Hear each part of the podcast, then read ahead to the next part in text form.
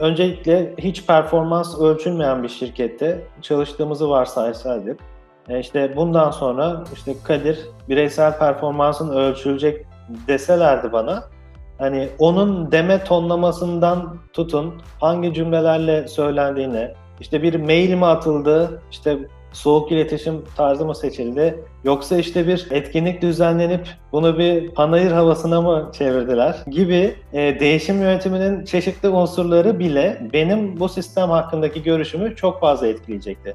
Dolayısıyla tüm yapılan projeler gibi e, özellikle insan kaynakları ile ilgili projelerinde değişim yönetiminde aslında çok önemli, çok hassas, çok profesyonel bir şekilde yönetilmesi gerektiği burada ortaya çıkıyor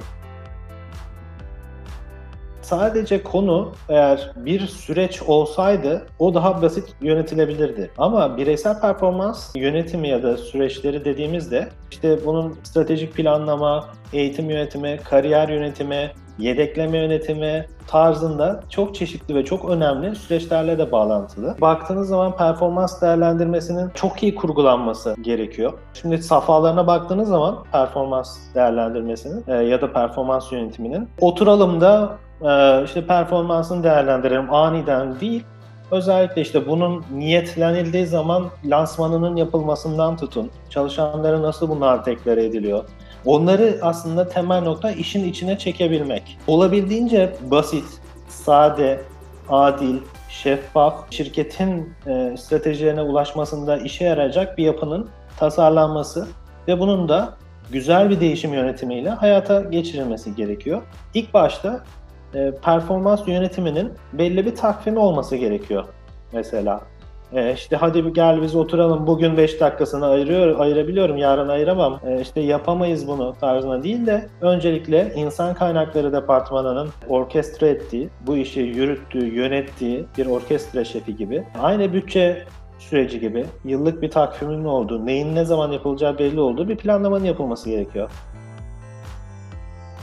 Daha sonrasındaki en önemli noktalardan biri geri bildirim. Geri bildirim şu demek, yani tamam biz bunları yaptık ama Sonuçta çalışanlardan şunu çok duyuyoruz. Ya bir şeyler yaptılar kendi kafalarına göre ama benim sonra ne oldu ne bitti sonuçlardan hiç haberim yok. Kesinlikle böyle olmaması lazım. Çalışanlara iyi ya da kötü tüm feedbacklerin, performans değerlendirme sonuçlarının hatta ve hatta belki de e, kişi bazda olmasa bile şirketin total yetkinlik seviyesinde ne durumdayız, gelişimlerinde ne durumdayız? İşte çok e, gizli olmayan, yani herkese açıklanabilir hedeflerinde ne durumdayız, gidişat nasıl? Bunların bildirilmesi güzel bir yine değişim yönetim organizasyonuyla gerekiyor. Daha sonra tabii her şeyi yaptık ettik. Sonuçlar elimize geldi. Performans değerlendirme sonuçları. Bunları nasıl kullanacağız? Çalışanlar nasıl kullanacak? Yöneticiler nasıl kullanacak? insan kaynakları nasıl kullanacak? Patronlar nasıl kullanacak? Üst yönetim nasıl kullanacak?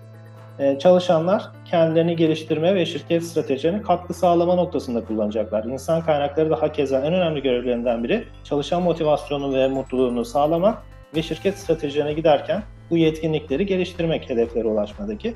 Yöneticiler ve üst yönetim de hakeza e, hem kendilerine bağlı çalışanları elde tutmak ve motive etmek hem de e, üst yönetimin özellikle şirket stratejilerine ulaşmadaki e, yetenek havuzunu korumak, geliştirmek olmalı en önemli vazifeleri diyebilirim. Aslında e, bizim yine sıklıkla karşılaştığımız sorulardan biri de şu. Bizim sorunumuz için tek bir çözüm var mı? Tek bir reçete var mı? Ben de buna hani tek bir cevap veriyorum. Hayır cevabını veriyorum. Çünkü bu konular performans değerlendirmeleri olsun, organizasyon tasarımları olsun bunlar kağıt üstünde yapılan çalışmalar kesinlikle olmamalı. Yani oraya koyduğunuz bir kutu, performans sisteminde yaptığınız bir değişiklik insanların hayatını etkileyebilir. Bir somut örnekten gidelim.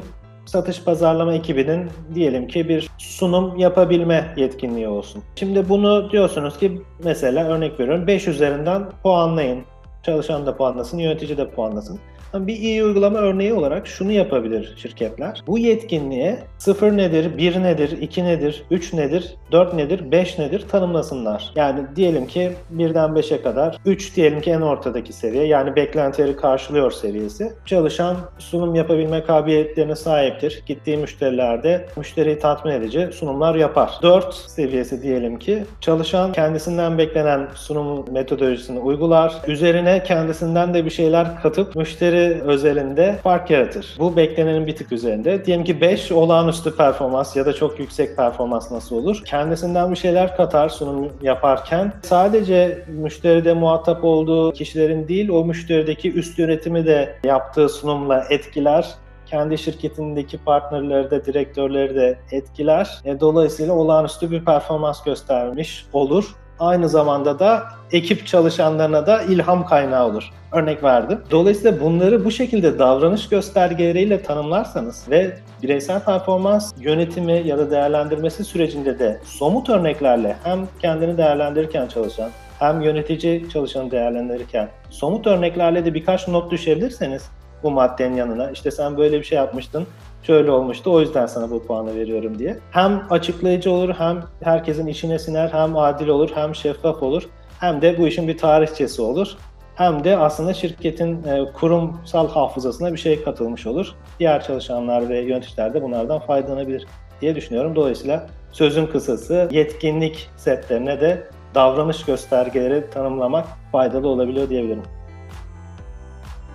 Tabii ki buradaki tavsiyemiz eğer şirketler bu süreci hiç yapmıyorsa ama bir şekilde her şirket bir detay seviyesine kadar bütçe süreçlerini yürütüyordur. İlk tavsiyemiz hiç yapılmıyorsa bir kere yılda bir bunun yapılması ama benim naçizane önerim yıl içerisinde de bir kontrol noktası olması. Yani yarı yıl değerlendirmesi. Yılı yarıladığınız zamanlarda bir kere kontrol noktası işte sene başında belirlediğimiz noktalarda nerelerdeyiz? Stratejik planımızdan, stratejilerimizden besleniyor, bütçemizden besleniyor, onlarla uyumlu olsun diyoruz. E, benim gidişatım nasıl? Çalışanlarımın performansı nasıl? Motivasyonu nasıl? Yetkinlik seviyesi nasıl? Onların kişisel hedefleri nasıl? En azından bir yarı yıl değerlendirmesi yapılmasını öneriyoruz şirketlerimize yine genel resmi kaçırmamak lazım. Yani bireysel performans birçok süreçte entegre. Yani en basitinden e, takdir ve ödüllendirme sistemiyle entegre. Satışçılar cirosal bir prim sistemiyle mükafatlandırılıyor olabilirler. Dolayısıyla işte çeyrek bazında mı almaları gerekiyor prim sistemlerini, aylık mı, yıl ortasında mı, yıl sonunda mı, tahsilatlar yapıldığında mı e, vesaire. Dolayısıyla onların bütünsel bir bakış açısıyla kurgulanması lazım. Çok da tabii kompleks yapılmaması lazım. Biraz sade olması lazım. E, sürdürülebilir bir yapının tasarlanması lazım. Çok kompleks yaparsanız e, bu sefer yöneticiler bile yani elini taşın altına sokmaktan imtina ediyor. Haklılar. O yüzden e, şirketlerin işine yarayacak sade bir yapı tasarlanması lazım diyebilirim.